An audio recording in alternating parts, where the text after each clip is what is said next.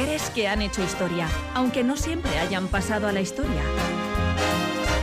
Algunas hoy célebres, otras aún por descubrir. Algunas heroínas, otras villanas, todas singulares. Es tiempo de hacer visible lo invisible. Es tiempo de vivir para contarlas.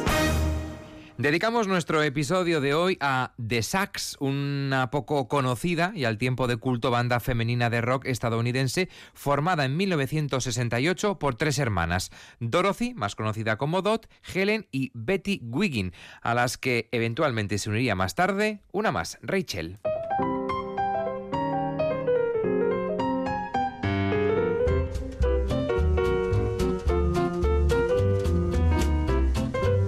Vamos a descubrirlo, vamos a comprobar que su música resulta inclasificable, que a pesar de ello algunos han intentado incluso describirla. Edurne Vaz, ¿qué tal? Hola. Hola, un gran desafío, sí. Sí, porque eso de definir y describir no es nada fácil. Eh, ¿Cómo lo han hecho con estas mujeres, con esta banda de rock mm, alternativo. Sí, totalmente, vamos a decir, experimental, ¿no? Bueno, pues las han descrito de formas muy distintas. La revista Rolling Stone, por ejemplo, afirma en su día que sonaban como cantantes de la familia trap lobotomizados.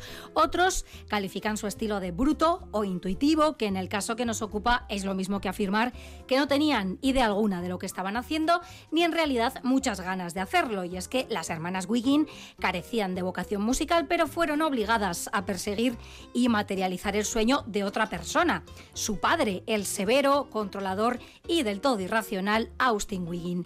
El único álbum de estudio que publicó esta formación vio la luz en 1969 y llevó por título Philosophy of the World, la filosofía del mundo.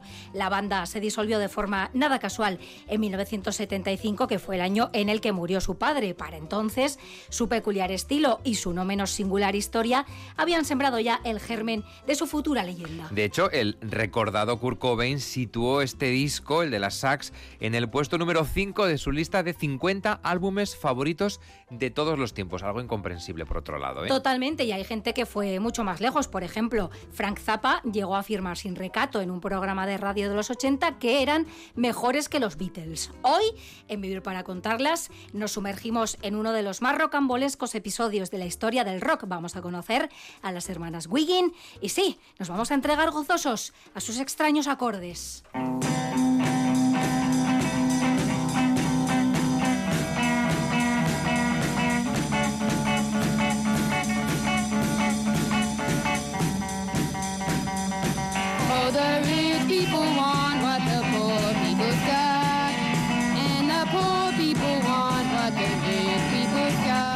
Vamos a empezar esta historia hablando de los Wiggin, que eran una familia de clase media de Fremont, en el estado norteamericano de New Hampshire.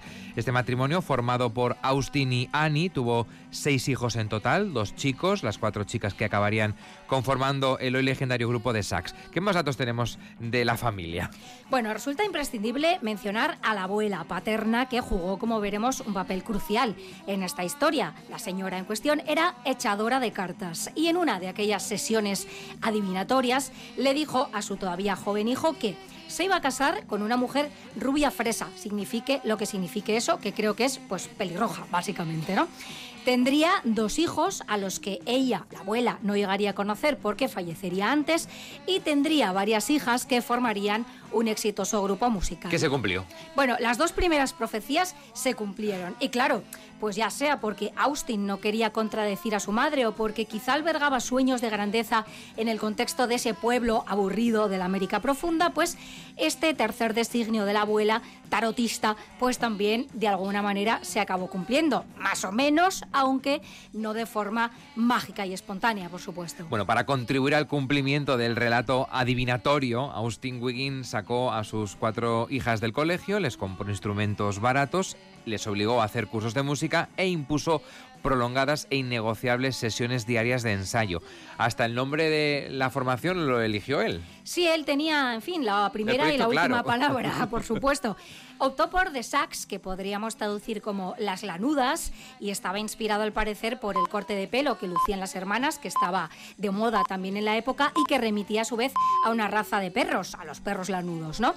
Aunque ellas nunca habían contemplado la idea de formar un grupo, pues obedecieron, qué remedio, a su padre, que era un hombre muy autoritario. Austin se encargó además de que Dorothy, voz principal y guitarra, Betty, coros y guitarra rítmica, y Helen, en la batería, no limitaran sus pinitos musicales a la intimidad de una sala de ensayo. Y quien dice sala de ensayo dice, por supuesto, el sótano de la casa.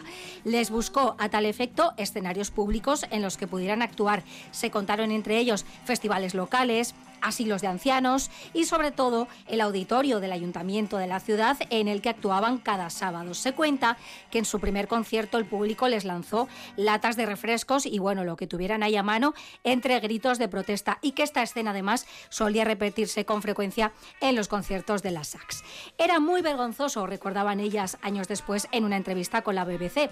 Decían que nuestra música era basura, no queríamos estar ahí, pero teníamos que obedecer a nuestro padre, lo cual resulta particularmente duro teniendo en cuenta que ellas no tenían pretensión musical alguna. Para colmo de males, su padre decidió que era mejor que ni siquiera escucharan la música de otras bandas o artistas porque eso, decía él, podría contaminar su propio estilo, fuera ese el que fuera. Claro, las hermanas Wiggin aspiraban, ¿no? Como la mayoría de las jóvenes de su generación, a estudiar, a encontrar un trabajo, a casarse y a formar una familia. Y todo esto se vio truncado de alguna forma. Claro, una adolescencia, bueno, pues bastante robada, ¿no? Y Helen, una de ellas, de hecho, llegó a escaparse de casa con su novio y se casó con él en secreto. Imaginad el estallido de ira de su padre cuando se enteró. No solo echó a Helen de casa, además de perseguir a su nuevo yerno con una escopeta, sino que también la echó del grupo. Pero finalmente decidió readmitirla, no porque la perdonara, sino porque seguir adelante con aquel descabellado plan musical, pues lo exigía así.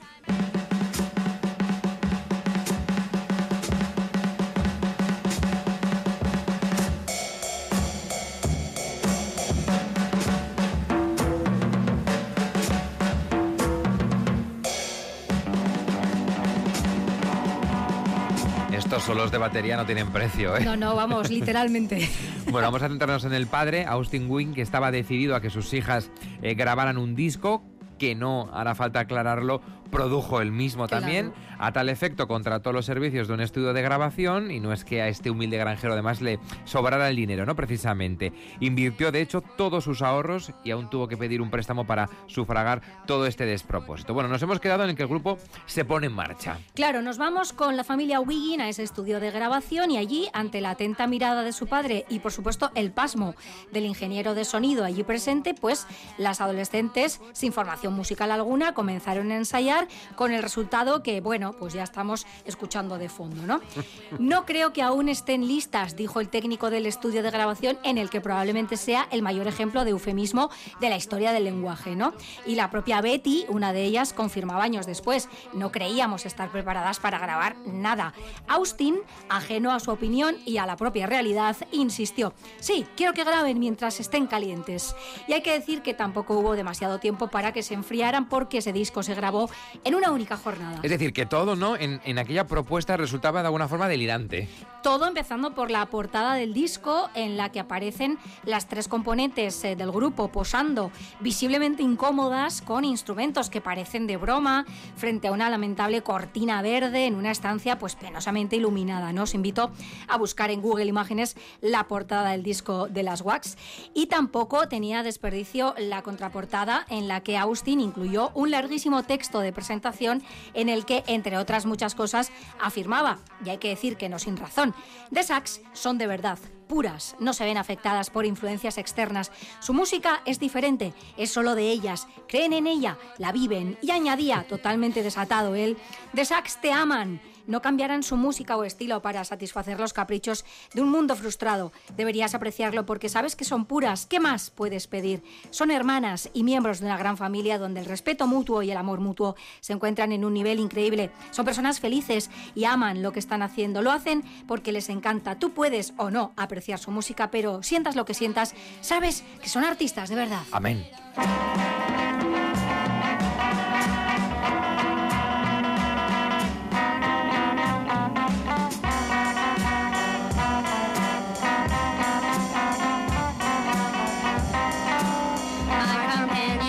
with me wherever I go. It goes too. My companion is with me no matter.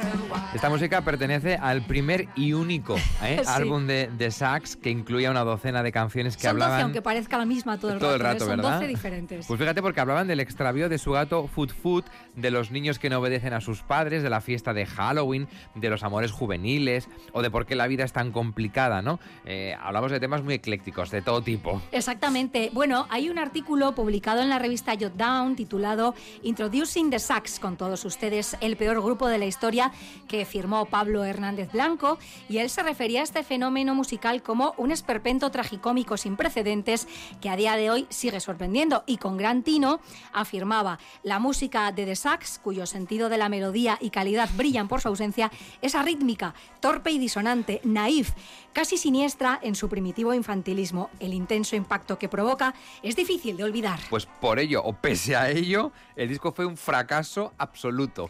Sí. Eh, Inesperado. Inesperado, eh, ¿no? ¿Cómo lo podríamos haber imaginado? Bueno, pues además de las mil copias acordadas, 900 ni siquiera llegaron a salir del almacén de la compañía porque el supuesto encargado de su distribución, de hecho, desapareció sin dejar rastro y supongo que con el dinero de Austin Wiggin, que, bueno, pues parece ser que fue estafado, ¿no? El resto de copias acabaron dispersas por emisoras de radio y variopintas tiendas de discos y fue en una de esas tiendas, en la ciudad de Nueva York, donde Terry Adams, pianista de la banda NRBQ, descubrió el disco y con gran visión dijo, esta joya tiene que ser reeditada, ¿no? Y gracias a la intervención de este grupo, en 1980, el sello Rounder Records lanzó y distribuyó comercialmente Philosophy of the World, este primer y único disco de estudio de las Sax. Pero tampoco en esta ocasión logró calar entre el público ni desde luego entre la crítica. Pues por citar un ejemplo, la revista Rolling Stone publicó una reseña demoledora sobre Philosophy of the World. ¿Qué decía exactamente sobre Bueno, este disco? eh, nada bueno. Decía, Philosophy of the World es el disco más enfermizo y más asombrosamente horrible que he oído en años. El purgante mental perfecto para las depresiones de cualquier tipo. Como si hubieran lobotomizado a los cantantes de la familia Trap, The Sax gorjean casi al unísono letras propias de tarjetas de felicitación con unas desafortunadas líneas melódicas mientras rasguean sus guitarras de hojalata como el que sube y baja una cremallera. La baterista golpea con ímpetu, convocando a una musa diferente cada vez, como si tuviera que adivinar qué canción están tocando en cada momento, solo que perdiéndose continuamente. Madre mía, ¿eh? Pobrecitas. Demoledora, como tú decías, la, la crítica. En cualquier caso, el periodista y crítico musical Lester Banks también hizo gala de una visión mucho más amplia, ¿no? En Sí. su crítica. Bueno, él destacó la encomiable actitud de las adolescentes, así como la ya comentada portada que no dudo en situar entre las mejores de la historia. Fue el primero en decir provocadoramente que ellas eran mejores que los Beatles y afirmó que con este disco de Sax había redefinido por completo el arte de la música, lo cual en justicia no era menos cierto que lo que argumentaba, por ejemplo, el músico y crítico Kub Koda, quien describió el álbum como totalmente distinto a cualquier otro. En Y eso oye, tenía razón. esto es completamente cierto. Austin Wiggin no vivió para leer ninguna de estas críticas que sin duda le hubieran complacido sobremanera y a ellas tampoco le resultaron lo suficientemente estimulantes como para retomar una carrera musical que en realidad pues nunca habían deseado, ¿no? Pese a ello, el disco fue poco a poco calando primero entre coleccionistas y curiosos y más tarde entre un público más mayoritario, especialmente después de que un célebre locutor de radio empezara a pinchar canciones del grupo en sus programas. Adiós.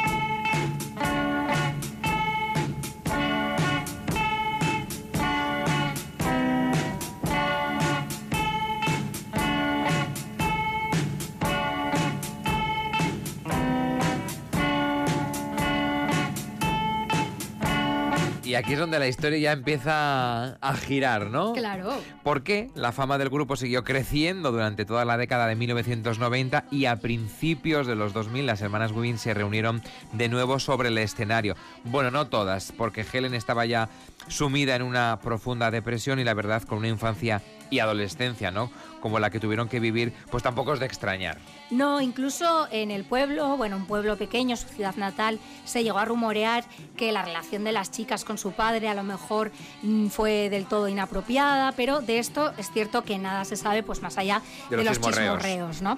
El disco ha seguido reeditándose y viviendo de paso una segunda e inesperada vida. Se han editado incluso discos complementarios con algunos temas inéditos y supongo que completamente novedosos melódicamente, Y en el frenesí de esas reediciones, pues las hermanas Wiggin se han dado algún que otro baño de masas en encuentros con fans o en firmas de discos. Unas, hay que decir, de forma más activa que otras. Dorothy, por ejemplo, llegó a formar su propio grupo al margen con algunos de esos fans.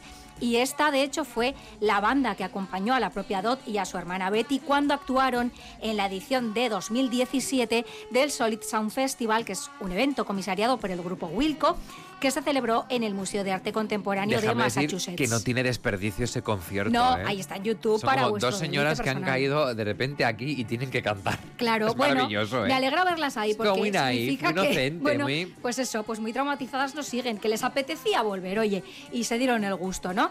Incluso se llegó a hacer, como no, un musical sobre las sax y hasta se rumorea que su historia podría llevarse a la gran pantalla.